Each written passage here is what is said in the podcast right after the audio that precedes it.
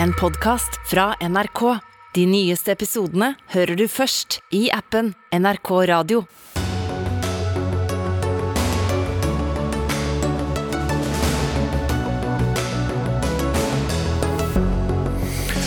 Verden og ikke minst Ukraina holdt pusten da den russiske presidenten holdt tale på seiersdagen, men ga få hint verken om opptrapping eller det motsatte i Ukraina. Norges handelshøyskole forsvarte en sponsoravtale med Equinor der det skulle gi oljegiganten god omtale, men nå har de snudd. Tidligere forsvarstopp sier det er totalt uakseptabelt at en sersjant som ble dømt for å snikfilme en kvinnelig soldat i dusjen, fikk beholde graden. Og dersom folk i Nord-Norge skal beholde de lave strømprisene, bør vel også folk på Vestlandet ha lavere bensinpris, konkluderer en retorisk leder av næringsforeningen i Stavanger, sør mot nord i Dagsnytt 18. Sånn og slik ser eh, denne sendingen deles ut. Jeg heter eh, Espen Aas. Mange ventet kanskje at eh, den russiske presidenten Vladimir Putin ville bruke Russlands frigjøringsdag til å erklære formell krig mot Ukraina. Det skjedde ikke. Og Putin varslet heller ikke en opptrapping av det som han fortsatt kaller en spesialoperasjon. Moskva-korrespondent eh, Jan Espen eh, Kruse, hva slags markering ble dette egentlig? Ja, det ble jo en eh, litt mer passiv eh, president Vladimir Putin enn det vi har sett. Han er jo eh, i stand til å bruke veldig harde ord og uttrykk, særlig når han kritiserer vestlige land. Men i dag så kom det ikke mye av det. Han trakk paralleller til den andre verdenskrig og sammenlignet hvordan den sovjetiske hæren den gang kjempet og vant over Nazi-Tyskland. Han sa at det de russiske styrkene nå gjør i Ukraina, er eh, omtrent det samme. Han gjentok disse grunnløse påstandene om at eh, Ukraina styres av, et nazistisk, av nazistiske myndigheter. Og så snakket han om at det er Vesten som har skylda for den situasjonen som har oppstått, fordi Russland rett og slett var tvunget til å angripe Ukraina fordi Vesten truer truet eh, med å angripe Russland via Ukraina. Eh, men eh, president Putin ga ingen ingen tegn på hva han har tenkt å gjøre videre i denne krigen, og, eventuelt hvordan den skal utvikle seg da sett fra russisk side. Og Det hadde jo veldig mange ventet. Mye, eller mange snarere, kjente toner der, altså, Jan Espen Kruse. Men hvordan fremsto presidenten selv? Dette er jo som vi har vært inne på, både en dag som det var mange forventninger til, og en dag som også er en viktig markeringsdag i Russland. Han eh, snakket naturligvis ingenting om eh, russiske tap. Han snakket eh, ingenting om hva Russland har tenkt å gjøre videre. Det var en masse kritikk av eh, Vesten. Og han nevnte også faren for eh, en ny storkrig pga. Uh, den spente situasjonen mellom øst og vest. Men som sagt, det var en nedtonet tale president Putin holdt i dag. Og man spekulerer resonnere på hvorfor det. Var det for, eh, fordi den eh, russiske hæren ikke har den fremgangen den hadde ventet i eh, Ukraina, eller er det andre motiver som ligger bak? Men Putin forsøkte i hvert fall ikke på å erklære noen slags seier, eller understreke at styrkene til Russland har hatt veldig stor framgang i, i Ukraina. Det var, en, det var en mer reservert Putin vi så i dag. Foreløpig takk til deg, Jan Espen Kruse, korrespondent i Moskva. Det som kanskje var mest oppsiktsvekkende, var vel da det han ikke sa i talen, eh, mener du, Kristian Aatland, seniorforsker ved Forsvarets eh, forskningsinstitutt. Eh, hva var det han ikke sa? Noen hadde jo forventa at han skulle annonsere noe, enten en, en eller annen form for seier, eller delvis seier i denne krigen mot Ukraina, eller at han skulle annonsere da en full mobilisering. Eh, en ny fase i krigen. Det valgte han da å ikke gjøre, og det kan være flere grunner til det.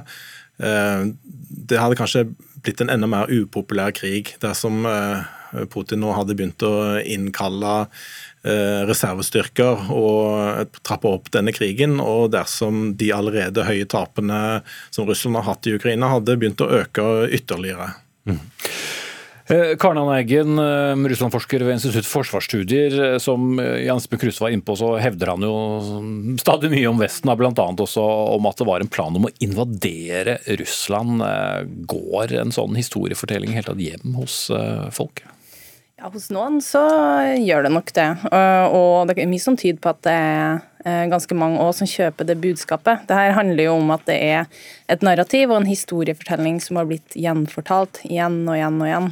Eh, og det er jo litt eh, som vi ser i talen her òg, stort fokus på trusselen fra Vesten, USA, hvordan USA har ydmyka verden, hvordan Russland er på en måte et motsvar til de amerikanske og vestlige dekadente verdiene.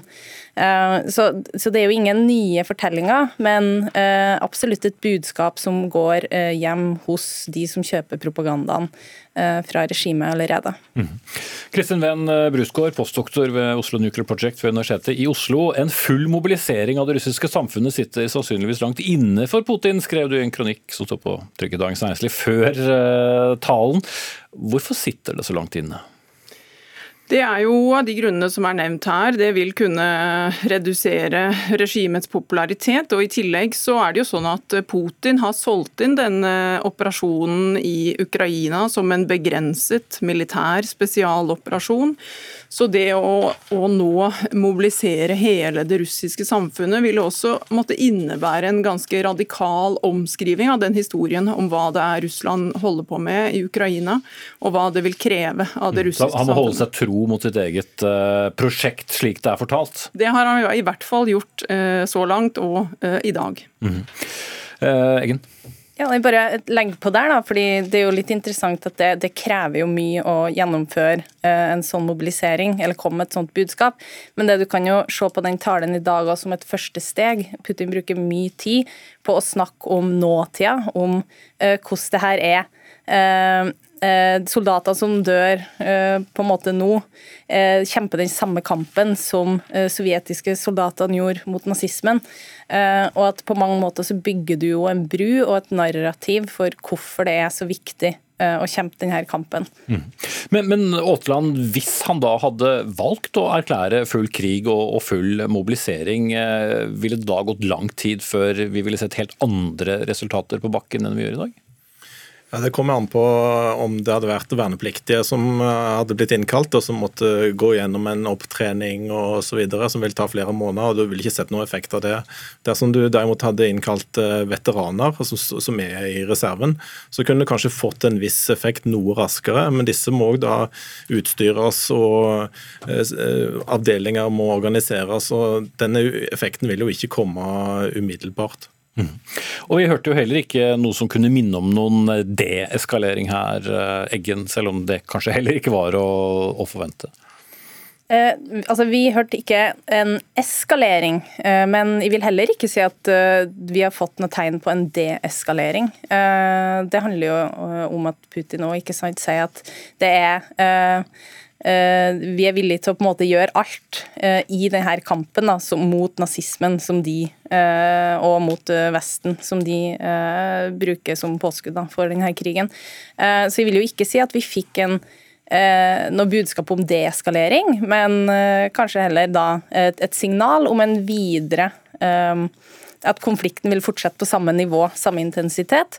Og så er bare et lite viktig poeng der er jo at fordi om Putin ikke kom med Eh, noen store eh, annonseringer i dag, eh, så betyr jo ikke det at vi ikke får nå på et senere tidspunkt. Mm. Nei, Osland, altså, Poenget er jo litt, det har jo vært en veldig forventning. Litt uvisst hvor den forventningen kom fra. Var det en, en slags analyse fra, fra, Vesten om at det ville være en fin dag, eller en typisk dag, å komme med enten en, en eskalering eller et budskap om den videre gangen i krigen? Ja, Seiersdagen i Russland er jo en symbolsk viktig dag. og Det kunne jo vært en anledning dersom Putin hadde, hadde hatt en plan om å iverksette en full mobilisering og trappe opp denne krigen. Denne krigen har gått gjennom forskjellige faser. Den begynte som en ganske maksimalistisk operasjon Eh, den 24. februar, der Russland ønsker å underkaste seg Ukraina inn til Kiev og skifte ut regimet. Så seks uker inn i operasjonen så ble på en måte målet omdefinert. Eh, da ble det påpekt at nå handler det om Øst-Ukraina, det handler om Donbass og det handler om denne stripa med land nord for Azovhavet fram til Krim. Men, men, men, poenget mitt er, er, vel så mye som for Egna er inne på, da, at eh, det var så mange forventninger og det er blitt sagt så mye i vestlige medier at det skulle komme noe. Var det kanskje sånn sett et eh, godt retorisk grep å, å la det være, og at det kanskje kommer en dag, om en dag eller eh, to eller, eller, fem? Jeg tror ikke det kommer om en dag eller to, men det, vi kan ikke utelukke en mobilisering eller en opptrapping av denne krigen på et senere tidspunkt. Men det har vært krefter i Russland som har vært litt skeptiske til at man har eh, redusert ambisjonsnivået, som egentlig kunne tenke seg å beholde den opprinnelige ambisjonen, som var å okkupere Ukraina. Blant Bl.a. innenfor det militære så har det vært enkelte som eh, har gitt uttrykk for, for det. og Det er kanskje litt av bakgrunnen for, for denne forventningen. da. Mm. Uh, en krig trenger jo ikke ha vart spesielt lenge, selv om det nå har gått flere måneder. Bruskov. Men hvis vi skal forsøke å se en vei ut av dette for, for Putin Det var jo ikke noen indikasjoner på det ene eller andre i dag, som sagt, men hva, hva, hva kan vi se for oss? Nei, Det vi har sett i dag indikerer jo at uh, russerne for det første ikke har noen uh, intensjoner om å endre målsetningene sine i uh, Ukraina. Vi ser jo at Putin nå gjentar og viderefører sin ambisjon og intensjon om å oppnå det de definerer som sine mål i Ukraina, og at han også for så vidt viderefører en forventning om at denne konfrontasjonen med Nato, slik han beskriver den, Eh, kan komme til å måtte videreføres, og eh, at man kan måtte forberede seg på en lengre eh, konfrontasjon eh, med Nato. Så ut fra det vi har sett i dag, i hvert fall, og uh, russiske uttalelser så langt, så, så, må man jo bare trekke konklusjonen at russerne vil stå i Ukraina, søke å nå sine målsetninger der, og fremdeles har en vedvarende målsetning med å motstå f.eks. Nato-tilstedeværelse i sine nærområder. Mm. Så har det kommet uttalelser fra, fra tidligere statsministre om at dette kan være starten på slutten, at det er vanskelig vanskelig å, å, å, komme noen vei videre. Det er vel også en grense for hvor lenge eh, historiefortellingen blir den samme. At man ikke kan vise til noen form for resultater. Eller resultater vil det alltid være ut fra at det er eh, store tapstall også på ukrainsk side, men, men det er det jo jammen meg på russisk side. Ja, men, men, den andre siden av spekulasjonene knyttet til eh, dagens eh, hendelser i Moskva, var jo knyttet til muligheten for at Putin faktisk ville kunne erklære en slags seier i Ukraina, og erklære eh, f.eks. noen av delene av Ukraina som deler av Russland, eller at man erklærer at man har en ambisjon om å annektere disse delene av Ukraina. Nå er det nok sånn i dag at russerne kanskje ikke syns de har god nok kontroll i en del av disse områdene, men eh, russerne kan jo for så vidt definere seieren eh, som de ønsker seg. og Det er jo det vi ser i dag også, at Putin fremdeles ønsker å ha full kontroll over det narrativet knyttet til konflikten i Ukraina, hvordan en seier der f.eks. vil kunne se ut. Mm. Eh, så hørte vi eh, Lavrov eh, i dag si, eller nylig, at hvis Nato engasjerer seg i en stedfortrederkrig med Russland og væpner disse stedfortrederne, vel, krig er krig. Så, da, her dukker ordet krig opp, i motsetning til hos Putin. Mm. Bør vi merke oss det, eller var det en forsnakkelse? Det er litt vanskelig å svare på. Det, det, kan, eh, det kan, jo godt eh, være at eh, det var en forsnakkelse, mest sannsynlig ikke. Men For det må jo bli sett på som en krig, selv om det retorisk sett fra, fra Putin er noe annet? Ja da. Jeg tror jo det er mange i Moskva òg som er så må skjønne at det her er en krig, og ikke en uh, uh, militær operasjon, som det blir framsatt for et hjemlig publikum. Um, men jeg tenker jo at den, uh, når Lavrov også snakker om det her som en krig, da er det jo òg gjerne ikke sant, i den Nato-konteksten og i en større kontekst. Men jeg tenker at vi skal ikke legge nødvendigvis så mye i akkurat de uttalelsene. Mm. En, andre, en annen som har snakket om dette i dag, er Storbritannias forsvarsminister Ben Wallace, som sa at Putin må forsone seg med at han har tapt i det lange løp. Nå skulle jeg likt å se en vestlig forsvarsminister hevde noe annet, for så vidt. Men hva slags muligheter har han for å vinne militært, eller vil det snakke om å vinne noe politisk? Eh, de utsiktene er mye mørkere nå enn de var i de første ukene av krigen. Russland har jo hatt eh, enorme tap i denne krigen på de 75 dagene som nå er gått siden den 24. februar. Eh, et konservativt anslag er at de har mista rundt 15 000 soldater. Ukrainerne har et operermetall som er enda mye høyere. Men hvis vi tar 15 000 soldater delt på 75 dager, så er det 200 soldater hver dag.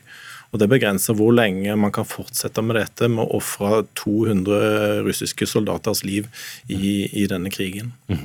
Og 200 familiemedlemmer, som igjen eh, har mange andre.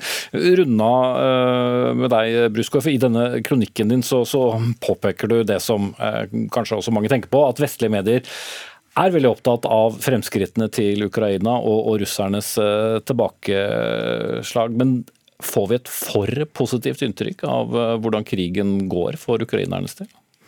Jeg mener i hvert fall det er verdifullt at vi bør minne oss selv eh, på det at uh, situasjonen uh, ser ganske annerledes ut uh, sett fra Moskva, og at det også påvirker hvilke kalkyler de foretar seg i Moskva. Og at når vi forventer at i dag vil Putin måtte benytte anledning til å gjøre et eller annet drastisk, så er det ikke nødvendigvis slik situasjonen ser ut i Kreml. Nei. Er vi litt for naive? Eh, det vet jeg ikke, men, jeg er ganske sikker på at uh, vi har utfordringer knyttet til det å forstå uh, hvorfor og hvordan russerne agerer, og at noe av bakgrunnen for de utfordringene ligger i det narrativet også vi skaper for oss selv knyttet til denne konflikten. Ok. Kristian Wen Brusgaard, postdoktor ved Oslo Nuclear Project ved Universitetet i Oslo. Kristian Aatland, seniorforsker ved Forsvarets forskningsinstitutt. Og Karen Anna Eggen, Russland-forsker ved Institutt for forsvarsstudier.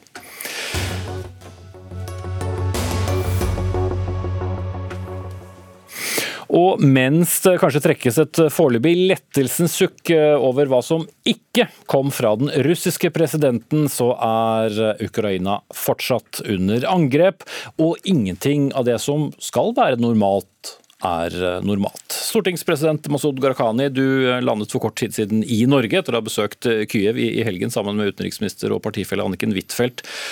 Selv eh, mange år som parlamentariker, men hvordan er hverdagen for dine ukrainske kolleger, som jo prøver å ha en, en hverdag oppe i, i sandsekker og, og, våpen og flyalarmer? Så jeg begynte jo dagen med eh, lederen av parlamentet, Stefan Tjuk, eh, hvor vi begge to eh, la ned krans. Krans med norske flagget og ukrainske flagget. Vi ga hverandre en klem, og så satte vi oss i bilen etterpå. Og da snakket han om at når krigen startet, så eh, samla president Zelenskyj hele lederskapet, og så sa han at jeg kommer ikke til å flykte. Jeg kommer til å kjempe. Helt til siste liten. Mm. For det er frihet for landet mitt. Og det ga et ganske klart beskjed. Eh, og den Si, eh, at samholdet de har. Det gjenspeilte også at de samlet parlamentet ganske raskt. De fikk beskjed at det var missiler på vei men parlamentsmedlemmene samlet seg og voterte over at de nå skulle ha møte en gang i uka. Og Da fortalte han meg at eh, alle så mot taket mens vi skulle votere, så måtte han si at nå må dere følge med på hva dere faktisk voterer over, for de var redd for at missilene skulle komme. Men de har klart å holde hjulene i gang i demokratiet. og Jeg tror alle vi som følger med, ser eh, og er utrolig imponert. Jeg møtte både president Zelenskyj, statsministeren og min kollega leder i parlamentet. Mm. Uh, og det, det, som jo er et uh, parlament, er jo også et sted hvor uh, folk forskanser seg. Vi hørte vår egen korrespondent hadde forvillet seg inn i gangene og kom over et område hvor det var stablet opp en masse sandsekker. Vi kan jo prøve å forestille oss hvordan vandrehallen i Stortinget ville vært i en tilsvarende situasjon. Og jeg skjønner at mange vil fortelle denne historien om at de vil kjempe til siste slutt og ting skal gå som normalt, men de må jo også være preget av flere måneder nå med angrep, vitende om at mange millioner mennesker er på flukt. Selvfølgelig. Eh, det var jo eh, mine kollegaer, både president Zelenskyj og Stefantsjuk, som ville at eh, vi skulle komme på 8. mai, frigjøringsdagen. Og Vi begynte da med denne markeringen hvor vi la ned krans. Etterpå så dro vi da til Irpin og Butsja. På Butsja så så vi disse massegravene. Og Da snakket vi med presten der, som forklarte at det lille lokalsamfunnet der hadde jo hatt 400 begravelser på kort tid. Familie, venner, barn. Og så dro vi til Irpin. Du ser det på TV, men når du kommer der, så ser du rett og slett at det er en tank som har kjørt gjennom tettstedet og skyter løs på alt mulig. Eh, og den enorme ødeleggelsen. Det er rett og slett ondskap, og det gjør utrolig inntrykk på deg å se det. Eh, og det var jo viktig for de da, å vise fram hva som skjer, eh, og ikke minst på den dagen hvor vi har vår selvstendighet, frihet og demokrati. og Det er nettopp det de kjemper for. Mm. Eh, hovedstaden er jo for så vidt da, stadig ansett som et relativt trygt område. Du og utenriksministeren var jo der nå, det har vært en rekke andre europeiske politikere. Likevel ser vi jo bilder av dere i skuddsikre vester, hjelmer, dere har bevæpnede soldater eh, sammen med dere. Men hva slags inntrykk fikk du selv av hvor trygt det var å, å gå der? Det greit nok at man må ha en standard for, for, for sikkerheten, men er, Kyiv fortsatt det vi kan kalle et trygt sted? Altså, det er jo et land i krig, og selvfølgelig må man ta forholdsregler når man drar på en slik reise. Eh, og Du ser jo at det er eh, sandsekker overalt, sånne bunkerse. Du ser at det er eh, rigget opp med militære rundt om i hele byen. Eh, og som eh, han, eh, kollegaen min Stefantsjuk sa, da, du merker jo at det er jo ikke mange mennesker ute. Og sånn han sa til meg, det er at den dagen vi hører lyden av barn igjen, at det er barn som leker i gatene, at det er trygt igjen, det er da normalen er tilbake igjen i vårt land. Og der er man ikke nå.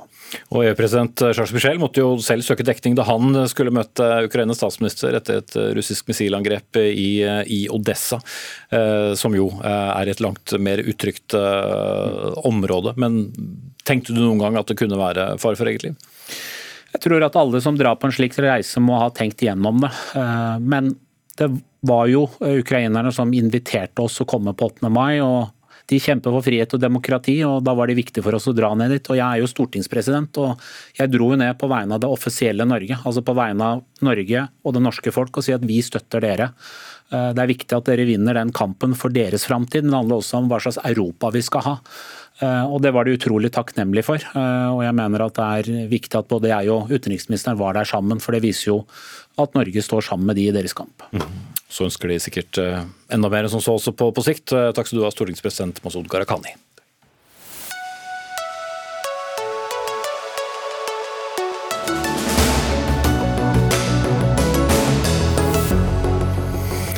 Et uh, solid temaskifte idet vi beveger oss eh, hjem til uh, Norsk Akademia. Norges handelshøyskole er en av flere institusjoner for, for, høyere utdanning som i en sponsoravtale med Equinor lovet olje- og energigiganten god omtale. Forrige uke sa Handelshøyskolen til avisen Krono at ikke de så noe problem med denne avtalen, mens de fleste andre skolene ville revurdere nettopp denne klausulen. Men i dag tidlig sa dere at dere ville reforhandle den likevel i neste runde. Geir Michaelsen, direktør for kommunikasjon og samfunnskontakt ved Norges handelshøyskole. Hvorfor har dere ombestemt dere? Eh, vi har vel ikke ombestemt oss, eh, bare for å komme med noen nyanser i forhold til det du sier. Så sa vår rektor eh, da han fikk spørsmålet fra Krono, at vi har lagt til grunn at den setningen som omtaler det nevnte punktet som du refererer til, var at vi skulle omtale vårt eget forskningsarbeid. Og vi ser at den, og har hele tiden sett at denne setningen kan misforstås, og sånn sett ønsker å reformulere den. Men da er dere ikke komfortable med slik den er, da?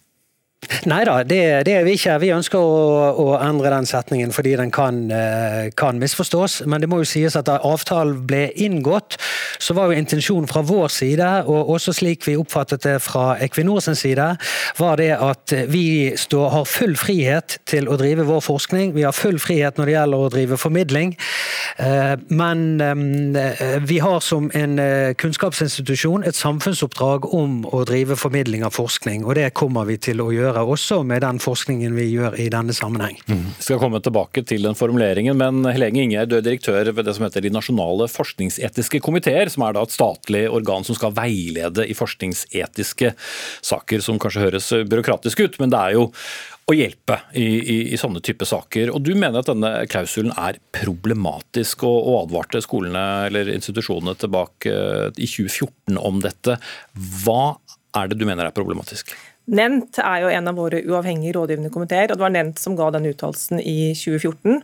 Eh, og De var veldig opptatt av åpenhet eh, da de ga en forskningsetisk vurdering av petroleumsforskning i Norge. Åpenhet er veldig viktig når vi snakker om ekstern finansiering av forskning, fordi det ofte oppstår bindinger ved slik finansiering. og Her er det da sterke økonomiske interesser på spill, og det kan oppstå interessekonflikter. og Forskningens uavhengighet er viktig å sikre. Mm. Så Nettopp derfor var dette med åpenhet eh, viktig. og det å det ble oppfattet som en mulig bremsekloss for kritiske røster i denne klausulen. Så var det nevnt ikke ut og kritiserte. Den klausulen er uheldig, fordi det kan hindre en fri meningsutveksling, kritiske røster, og det er uheldig med tanke på tillit også til forskningen. Mm. Men, men hvordan tolker man da dette med å gi Equinor god omtale? Jo, altså det, det, det, vet jeg ikke hvordan tolkes, men det kan tolkes som at man hindrer nettopp den frie meningsutvekslingen og kritiske røster. Og Det er spesielt uheldig i en sånn sak, når vi snakker om eh, så sterke bindinger med en sterk oljebransje eh, på et felt med veldig sterke interessekonflikter, så er det særlig viktig med åpenhet. Så Derfor advarte Nent mot den formuleringen. og Derfor var det litt oppsiktsvekkende å se at den fortsatt står nå, da åtte år etter. Mm. Stusset dere aldri på den formuleringen, Michaelsen? Eh, det var nok slik at Intensjonen vi oppfattet her, var det at det var forskningen vi skulle omtale, og ikke selskapet Equinor. Og Det er jo også basert på at for, vi driver jo lite forskning direkte på Equinor som selskap, men på store utviklingstrekk i samfunnet. Eh, og Det vi er opptatt av, er jo å, å se hvordan vår forskning kan ha innvirkning i forhold til relevante teorier, i forhold til samfunnsutviklingen, eller i forhold til komparative analyser av prosesser. Og Det er jo kunnskap som skal komme hele samfunnet til gode. Derfor er det viktig å påpeke at våre forskere er de som velger tematisk hva de skal forske på.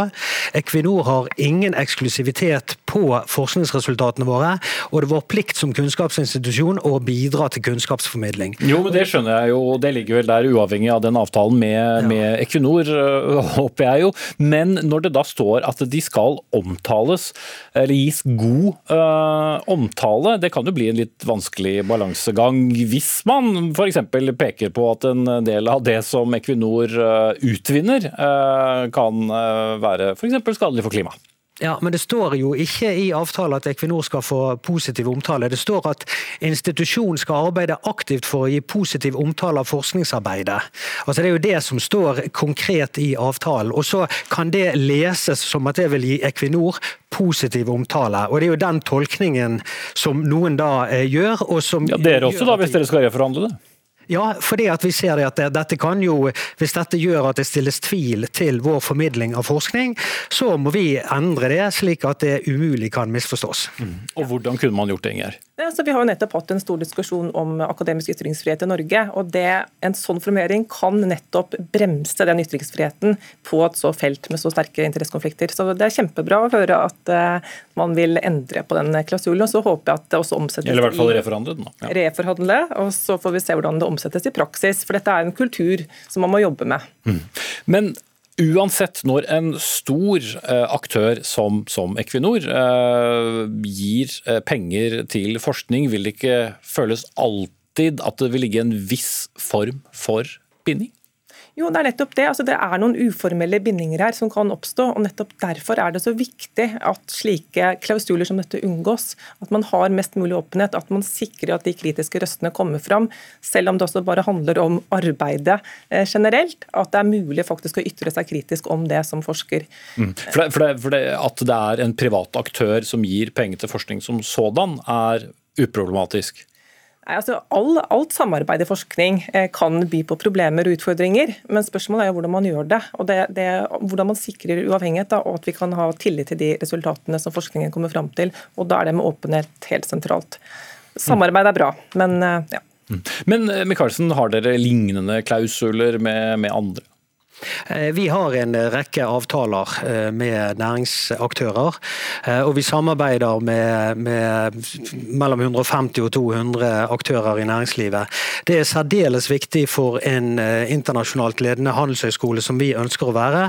Vi skal utdanne studenter som skal gå inn i toppstillinger i næringsliv og i offentlig forvaltning, og vi skal drive forskning som er samfunnsrelevant. Og Da er vi nødt til å ha den tette koblingen til næringslivet for å forstå det som skjer skjer i samfunnet.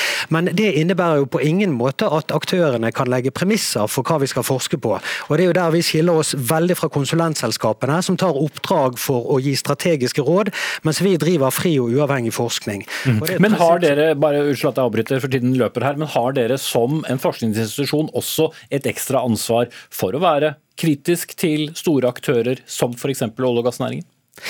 Ja, i hvert fall vil jeg si uavhengig. og Om ikke vi skal si kritisk, så skal vi være fullstendig uavhengig. og Vår forskning skal være helt fri for, eh, for føringer i den sammenheng. Mm. Så den formuleringen vil vi neppe se igjen? Neppe. Ok. Geir Micaelsen, direktør for kommunikasjon og samfunnskontakt ved Norges handelshøyskole, og Helene Ingjerd, direktør ved de nasjonale forskningsetiske komiteer. Takk skal dere ha. Det har kommet flere reaksjoner på at en sersjant får fortsette å jobbe i Forsvaret etter at han ble dømt for nakenfilming. Ja, ikke bare det, han får også beholde graden sin. For soldat Julie Sandanger fortalte i helgens utgave av VG om en sersjant som filmet henne naken i dusjen i skjul. Da hun meldte fra og militærpolitiet startet etterforskning, fant de 38 dusjvideoer av Sandanger på sersjantens mobil. Flere ting fikk Sandanger til å fortsette å reagere på det hun mente var dårlig behandling og oppfølging fra Forsvaret. Saken stoppet opp fordi det er uklart om sersjanten kan domfelles, siden disse filmene da ble tatt opp i utlandet. Forsvaret ville heller ikke dekke hennes advokat, og når sersjanten senere da fikk en tilståelsesdom, fikk han altså fortsette i samme grad. Robert eh, Mood med på linje, du har jo bakgrunn som generalløytnant i Forsvaret, og du sier eh, at det er totalt uakseptabelt at eh, sersjanten får fortsette i jobben. Hvorfor er det så krystallklart? Jeg trodde jo innledningsvis når jeg scrolla forbi saken i VG at dette var en clickbait. Men så gikk jeg tilbake og, og, og leste gjennom, og og så at dette var jo en seriøs sak, og så på Forsvarets eh, respons at eh, beskrivelsen av saken i VG var riktig. Og det er jo helt krystallklart for alle og enhver at hvis du sniker deg til å filme en medsoldat naken i dusjen, ikke én gang, men 38 ganger, så har du ingenting i lederjobben der ute å gjøre. Så enkelt er det. Og da er det det, Man kan snakke om masse juridiske spissfindige ting og alt det der, men eh, jo, Dette burde være en jo, veldig enkel sak. Han er jo dømt til da 90 dagers betinget fengsel, betale oppreisning på 25 000 kroner. Skal han da i tillegg miste jobben? Ja. Så jeg, eh, jeg var general bare de siste årene av min yrkesaktive karriere. Jeg starta for eh, nesten 40 år siden i FN-operasjoner. Og jeg kan si at jeg har fått kommentarer fra andre FN-veteraner i dag som er forundra. Fordi at vi repatrierte jo, altså sendte hjem og oppsa kontrakten til mange FN-soldater for langt mindre alvorlige forseelser enn dette. Okay. Uh, og de måtte reise hjem. Så hva som har skjedd i mellomtida her, som gjør at man nå har et oppsigelsesvern som er så sterkt, det, det, er forunderlig. Mm. Elisabeth Nattveg, du er uh, viseadmiral i uh, Forsvaret. Er det en ny praksis? Nei, det er ikke en ny praksis, og det er ikke en praksis vi heller ønsker. Men jeg vil først si at jeg kan ikke kommentere den spesielle saken veldig i detalj. Men det er helt Men det er jo prinsippet med å beholde graden, da? Dette er en sak som vi fikk kjennskap til i forrige uke. Eh, vi har, slik jeg har kjennskap til den i dag, for det vi har sett på den, den har ikke tidligere vært i Forsvarsstaben, så vi var ikke kjent med den før vi fikk spørsmål fra VG. Eh, vi vil gå inn og se på denne saken i detalj, og se på hvilke vurderinger som er gjort av Hæren, som er de som har behandlet denne saken så langt. Slik den fremstår, så er jeg enig i at det ser ikke ut som vi har behandlet denne på en ordentlig måte. Og det er ikke denne type handlinger og det er ikke denne type holdninger vi ønsker å ha i Forsvaret. Mm. Eh, igjen med forbehold om at vi ikke kjenner alle nyanser, verken du eller jeg eller Robert Mood. Men slik den er presentert i den lange artikkelen i, Verdens Gang, så sender den jo kanskje et visst signal til kvinner som enten er i Forsvaret eller vurderer å, å søke seg dit, når uh, nakenfilming i skjul iallfall eh, fører til at du fortsatt får beholde graden. Det er ingen tvil om at slik denne saken fremstår, så sender den et uheldig signal med at vi ikke tar mobbing og seksuell trakassering på alvor. Vi har vært ute og sagt mange ganger at vi har nulltoleranse på dette her. Vi driver opplæring av våre ledere, vi driver opplæring av soldater, vi har kampanjer vi, vi, gjør veldig mye for å endre disse holdningene. Og slik dette fremstår, så ser det jo ut som det da allikevel ikke får de nødvendige reaksjonene fra systemet. Men her må jeg ta forbehold om at vi ikke har sett de vurderingene som har vært gjort, og det går vi inn i nå. Mm. Ja, eh, Med alle disse forbeholdene da, Robert eh, Mood. Forteller det vel likevel per nå en, en uh, egen historie om uh, hva slags tillit kvinner skal ha til ledelsen i Forsvaret? Altså, det er ingen tvil om at Forsvaret har jobba seriøst med, med, å ta vare på, på, en skikkelig måte. Både han, hun og hen, og at alle skal uh, respekteres. Men det pussige her det er altså at man har gått fra en praksis hvor både FN-soldater og Nato-soldater ble sagt opp fra kontrakten sin og sendt hjem for langt mindre forseelser enn det dette er. Så et eller annet sted på veien her må det ha skjedd en prosedyreglipp eller et eller annet. for enten Forsvaret liker det eller ei, så sender denne saken et signal til eh, alle de som ikke liker å bli filma i dusjen, eller ikke liker tanken på å bli utsatt for uh, trakassering, overgrep i et mannsdominert miljø, om at det har man ikke klart å følge opp med et regelverk på en skikkelig måte. Så her må man bare skaffe seg en hjemmel for å følge opp denne saken skikkelig. Mm. Ja, Sagt med andre ord, eh, tar Forsvaret egentlig seksuell trakassering på alvor? Det er jo ikke den første saken vi har, eh, har hørt om. Vi hadde jo en sak for mange år siden også hvor en eh, kvinne ble tvunget til å bade naken sammen med alle sine mannlige kolleger. Vi tar, eh, vi tar, seksuell trakassering på alvor. Det er det ingen tvil om at vi gjør. Eh, som jeg sier, så driver vi på med mye opplæring på dette feltet. Og vi følger også opp at dette følges. Så vi tar det på alvor. Vi har også annethvert år en stor undersøkelse som viser hvordan mobbing og seksuell trakassering, hvem som blir utsatt for det, eller ikke på personnivå, men at det skjer.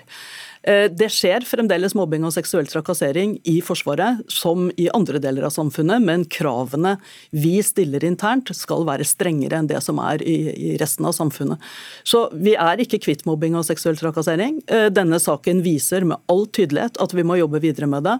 Og den viser også tydelig for meg at det er et eller annet i oppfølgingen her som ikke har gått riktig for seg. For jeg tror ikke det er mangel på regler eller juridisk grunnlag, eh, men det kan være en mangel på hvordan vi går inn i en sånn sak. Nemlig når man får presentert en sånn sak, så er det åpenbart for meg eh, at dette er uakseptabelt. Og da er det ut ifra den oppfatningen man har av saken, man går inn og ser på det juridiske sporet og ser hva slags handlingsrom man har, og ikke kanskje går inn motsatt vei. Mm. Juss kan brukes alle veier, eh, også i denne saken. Skal jeg være en kynisk programleder, så kan jeg jo si at eh, du kunne ikke svart mye annet heller. Men, men Robert Mood, ut fra det Nattvig sier her, ser du at det er en prosess? På vei? Ja da, jeg vet at uh, Elisabeth Nattvik og for den del forsvarssjef Eirik Kristoffersen jobber seriøst med dette og ønsker at uh, både hun, han og hen skal møtes med respekt i Forsvaret. Så her ser vi fram med forventning til at uh, man rydder opp i det som må ryddes opp når det gjelder regelverk og videre oppfølging. Mm. Da setter jeg strek. Robert Mood, tidligere generalløytnant i Forsvaret, og Elisabeth Nattvig, viseadmiral i Forsvaret.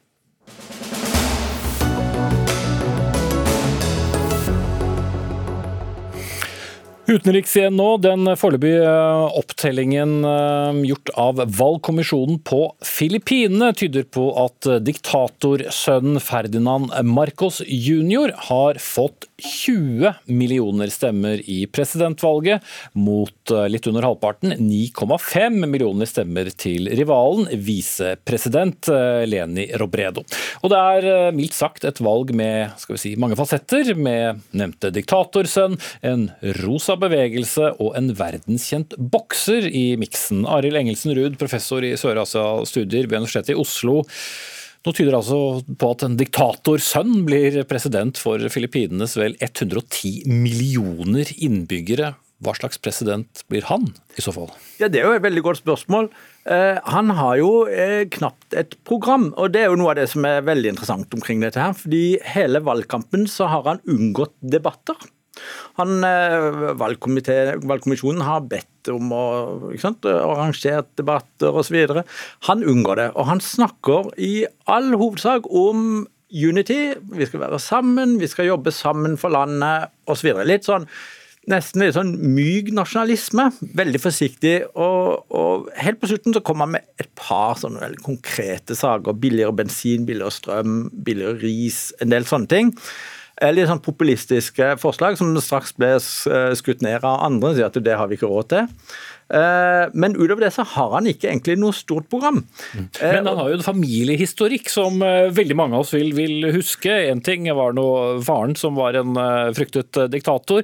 Hans kone Imelda Marcos hadde jo minst 1200 par sko, og de brukte penger som seg, seg hør og bør. Det, det virker jo paradoksalt med, med at noen med den familiehistorikken plutselig skal ligge an til å være favoritt? Ja, altså Her vil jo Marcos siden si at eh, farens laster ikke skal ligge sønnen til byrde. Eh, så han har selv vist seg til å være en helt kompetent, grei politiker, eh, Bong Bong, eh, som han er da. Som er, ja, kallenavnet hans. Ja. Som er kallenavnet, ja. Som, og, og har jo, han har jo vært guvernør og forskjellige ting, så han har jo klart seg relativt bra sånn rent politisk. Blant annet har en svær vindmøllepark oppe i nord i, i landet som, er, som, kom til på hans initiativ. Han er ikke så dårlig politiker, han er ikke noe dårligere enn alle andre, kanskje. ikke sant? Mm. Men denne formuen, ikke sant? og det, det er jo et stort spørsmål om eksisterer den? Eh, hvor, hvor stor er den? Eh, myndighetene har fått tilbake 10 milliarder dollar, ca. 8-10 milliarder dollar har de klart å få tilbake. Men, mm. av den av det som ble eh, stjålet, mytiske av det som ble stjålet den gangen som eh, Ferdinand var president, faren. Men, så, men, men, hvor mye er igjen? Eh, er det 10 milliarder, eller er det kanskje bare 2 milliarder? Og selv om det bare er 1 milliard, så har han til salt til grøten. ikke sant? Ja. Salt i såret, som du sier. Eh, men hvis vi ser da på motkandidaten, som da er visepresident, Leni Robredo. Hva, hva slags politikk eh, står han for? Eh, hun, Hun står for en, for en nokså sånn altså, Oppslutningen hennes er i første rekke blant kanskje de mer utdannede. Eh, de middelklasse og oppover. Eh, unge, mye. Det er relativt progressive ideer. Hun er relativt liberal. Og i det, i liksom det der politiske kontinuumet på Filippinene mellom nasjonalistene på den ene siden og de liberale på den andre siden, som er de tradisjonelle partiene, så, så, befinner Leni seg litt på den liberale siden. Men hun er jo også altså, Man kan si mye om det. at Det er ikke helt sånn, det er ikke så enkelt. Det er mye, det er oligarker bak, det er mye penger, det er mye familiedynastier som står bak også henne. Så forskjellen på de to er ikke så veldig stor. Men hun har vært visepresident i seks år, eh, og har gjort en god del eh, i løpet av de årene, til tross tross for veldig små budsjetter, mm. som er populære. Jeg hører at vi kunne sikkert eh, snakket de resterende 17 minuttene om dette òg, men jeg får si takk til deg der, Arild Engelsen Ruud, professor i Sør-Asia-studier ved Universitetet i Oslo. Og selve opptellingen den tar 14 dager før vi har et endelig resultat.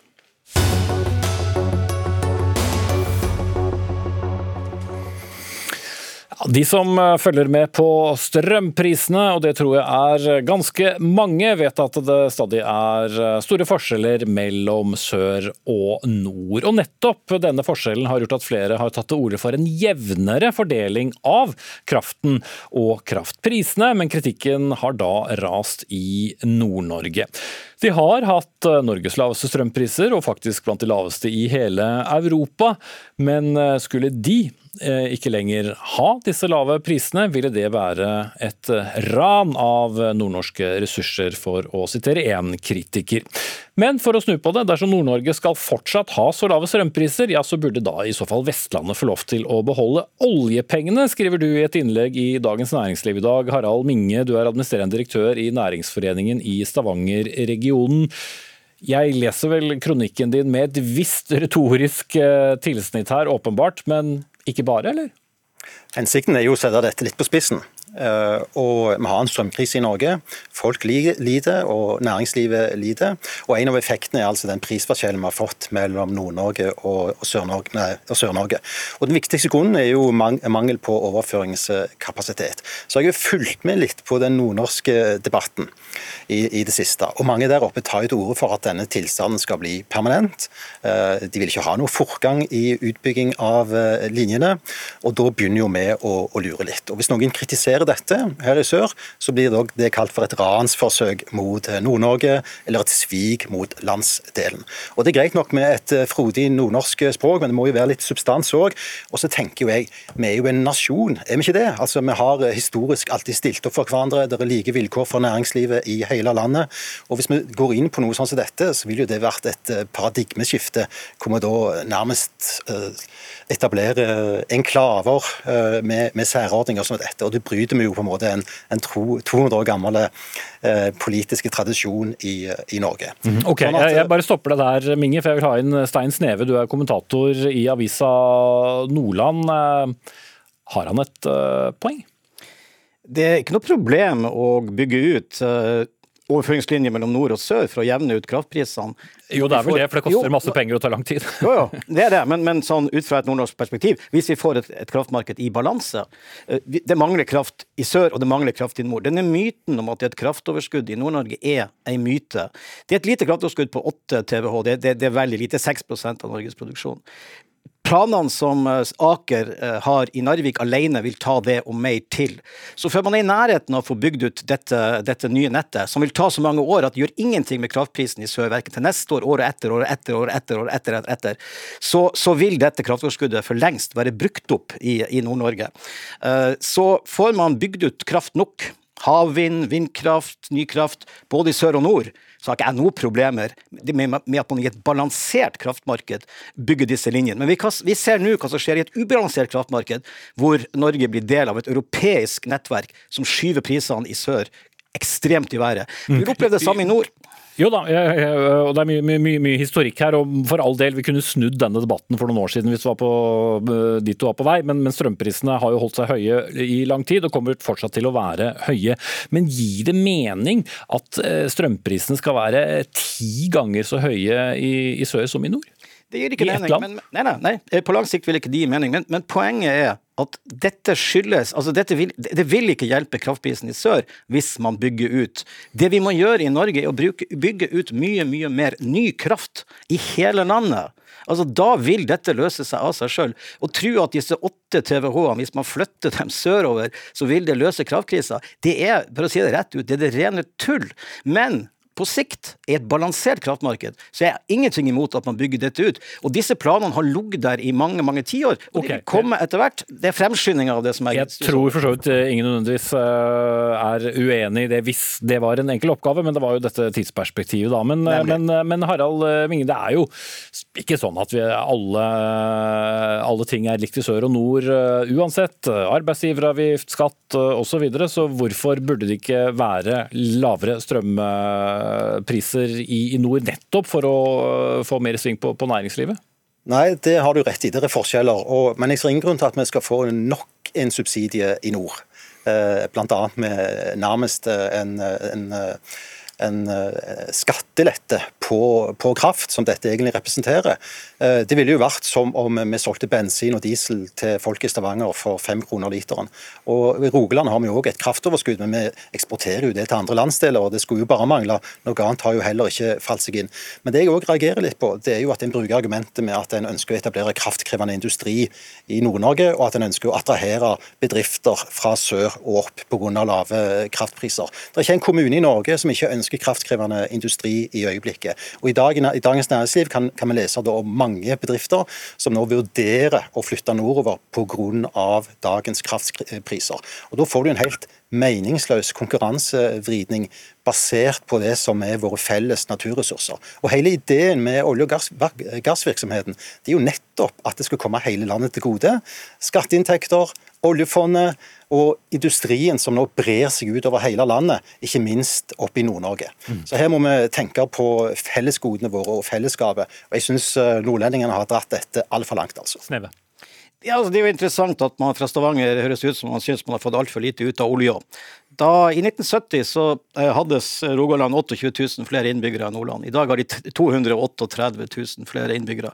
Og Mye av dette skyldes jo at man var veldig flink på Vestlandet å utnytte sin nærhet til ressursbasen olje til å bygge opp den, den, på den tida så ilandførte man olje lokalt, og man bygde en industri. Fantastisk dyktig gjort av Vestlandet. Men å late som om resten av landet har tjent like mye på olja som Vestlandet altså Når det gjelder arbeidsplasser, selvfølgelig ikke. Og i Nord-Norge i dag så er det jo sånn at fordi at man infrastrukturen er på plass, de oljefelt som man oppdager f.eks. utenfor Helgelandskysten, det føres ikke i land. Det skaper arbeidsplasser i Stavanger, og ikke lokalt. Det vi gjør i Nord-Norge nå, det er å bruke krafta på samme måte. Men du som var så opptatt av ting på lengre sikt i stad, har vel også sett at eh, det på lengre sikt også har blitt tilgodesett arbeidsplasser eh, i Nord-Norge de siste årene? Det har kommet eh, rundt, særlig rundt, rundt Snøhvit i, i, i Finnmark. Problemet er jo bare det at dette er en solefallsindustri, dette med, med olje og gass. Det vil holde noen tiår til, men så vil krafta over. Og det, det Nord-Norge ber om å få gjøre, det er å bruke krafta si slik Stavanger og Vestlandet brukte olja til å bygge lokal arbeidskraft og lokal industri, så vil vi bruke vår kraft til å bygge lokal industri. Du skal få lov til å svare til den til slutt, Minge. Nei, jeg syns eh, det er meningsløs argumentasjon. Og vi har jo hatt kraftkriser i Norge før. Eh, på 2000-tallet så ble det jo etablert mobile kraftverk i Midt-Norge. Og Løsningen på den eh, problemstillingen også, det var jo nye, nye linjer. Og, og, landet stilte jo opp for å løse problemet da òg. Eh, og Der ligger jo diskusjonen akkurat nå. og Derfor syns jeg vi må legge det vekk. Hovedproblemet er uansett at strømmen i sør er for dyr. Og Vi er jo nødt for å finne løsninger på det uansett. Men jeg syns denne diskusjonen fra nå nå ikke hører hjemme noe sted. Vel, i den grad vi skulle tro at det ble noen enighet mellom eh, sør og nord. Det ble ikke det denne gangen heller. Stein Sneve, kommentator i avisa Nordland, og Harald Minge, administrerende direktør i Næringsforeningen i Stavanger region. Takk til begge to.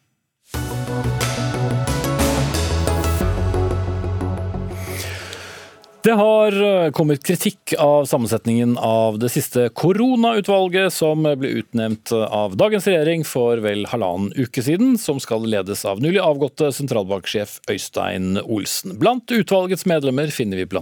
også en pensjonert forsvarssjef, to sjeføkonomer og to professorer. Men Ingrid Stenstadvold Ross, det var vel for så vidt ikke de medlemmene som er med, som dere har reagert på. Dere reagerer på de som mangler, og hvem er det?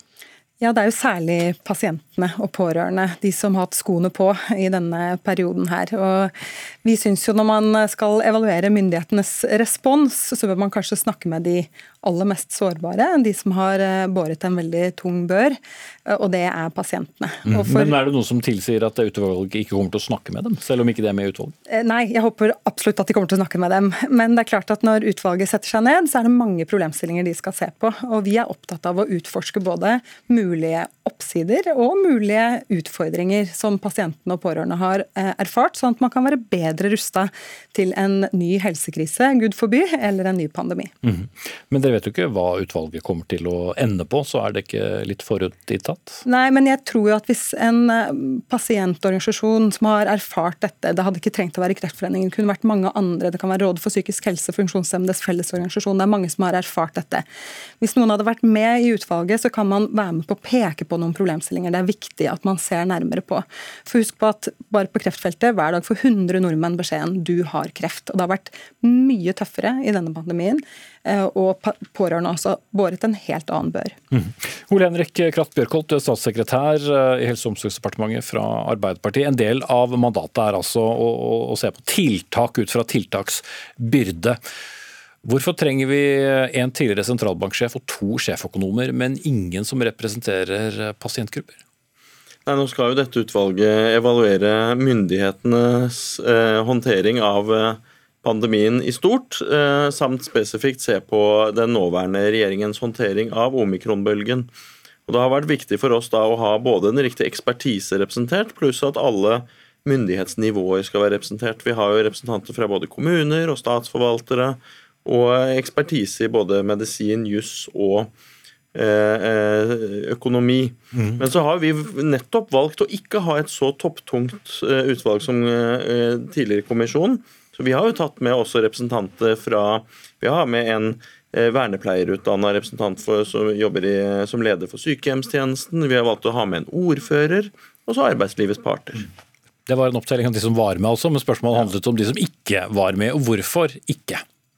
Nei, for det, Dette skal jo være først og fremst da en en evaluering av hvordan myndighetene har håndtert det, og de skal da gi konkrete råd om hvordan myndighetene bør håndtere en lignende situasjon i fremtiden. Mm. Men hvorfor kunne ikke noen fra f.eks. Kreftforeningen eller Rådet for psykisk helse eller Funksjonshemmedes eh, fellesorganisasjon eller Sykepleierforbundet for den sakens skyld eh, ivaretatt pasientene vel så godt som de som tilsynelatende kan se ut til å være litt like da, i utvalget?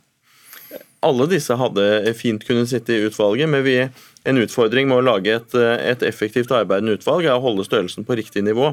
Og Nå har vi 13 utvalgsmedlemmer, og da ligger det allerede grenseland for hva eh, et utvalgs størrelse kan være for å, å jobbe effektivt. Ross.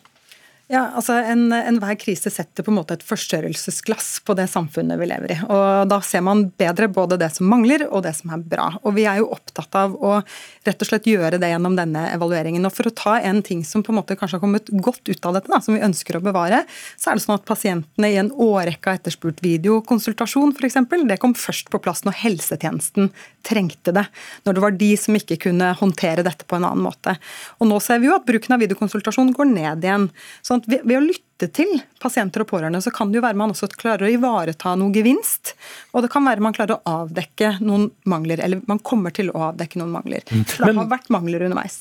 Men hva er det du frykter at det utvalget som, som regjeringen da er fornøyd med, ikke kommer til å se, eller ikke vektlegge, da, om du vil, ut fra de svarene de måtte få fra mm, foreninger som din eller andre pasientforeninger? Nei, Jeg er aller mest redd for at de kommer til å bruke all sin tid på å se på de tjenestene de har levert, og ikke stille seg spørsmål om hva som manglet, eller hva det er man lærte som man kunne gjort mer av. Eh, og sånn sett så er det ikke noe galt med et eh, legeperspektiv, et vernepleierperspektiv, men det er altså stor forskjell på det og de som har hatt skoene på.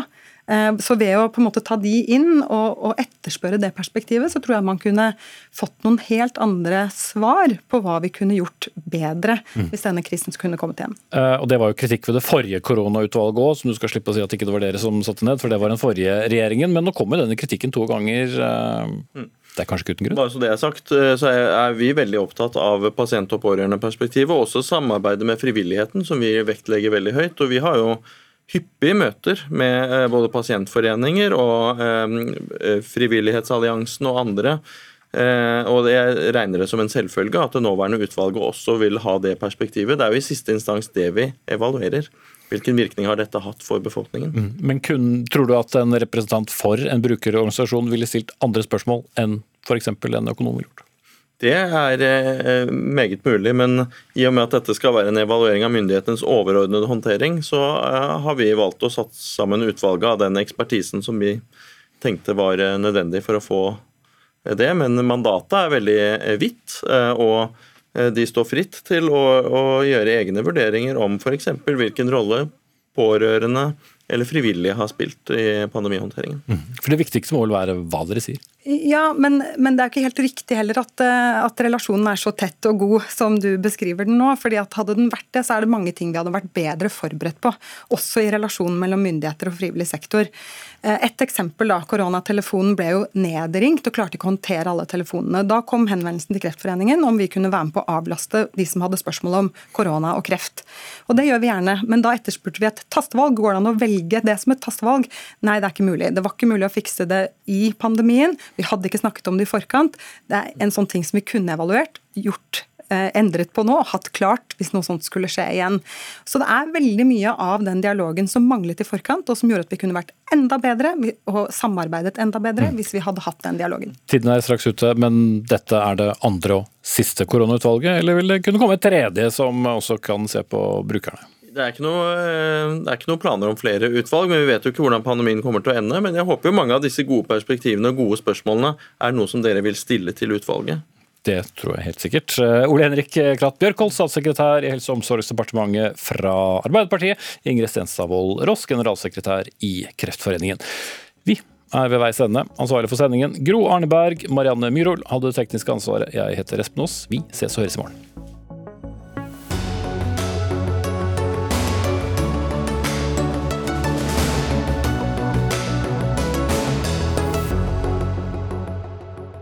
En podkast fra NRK. De nyeste episodene hører du først i appen NRK Radio.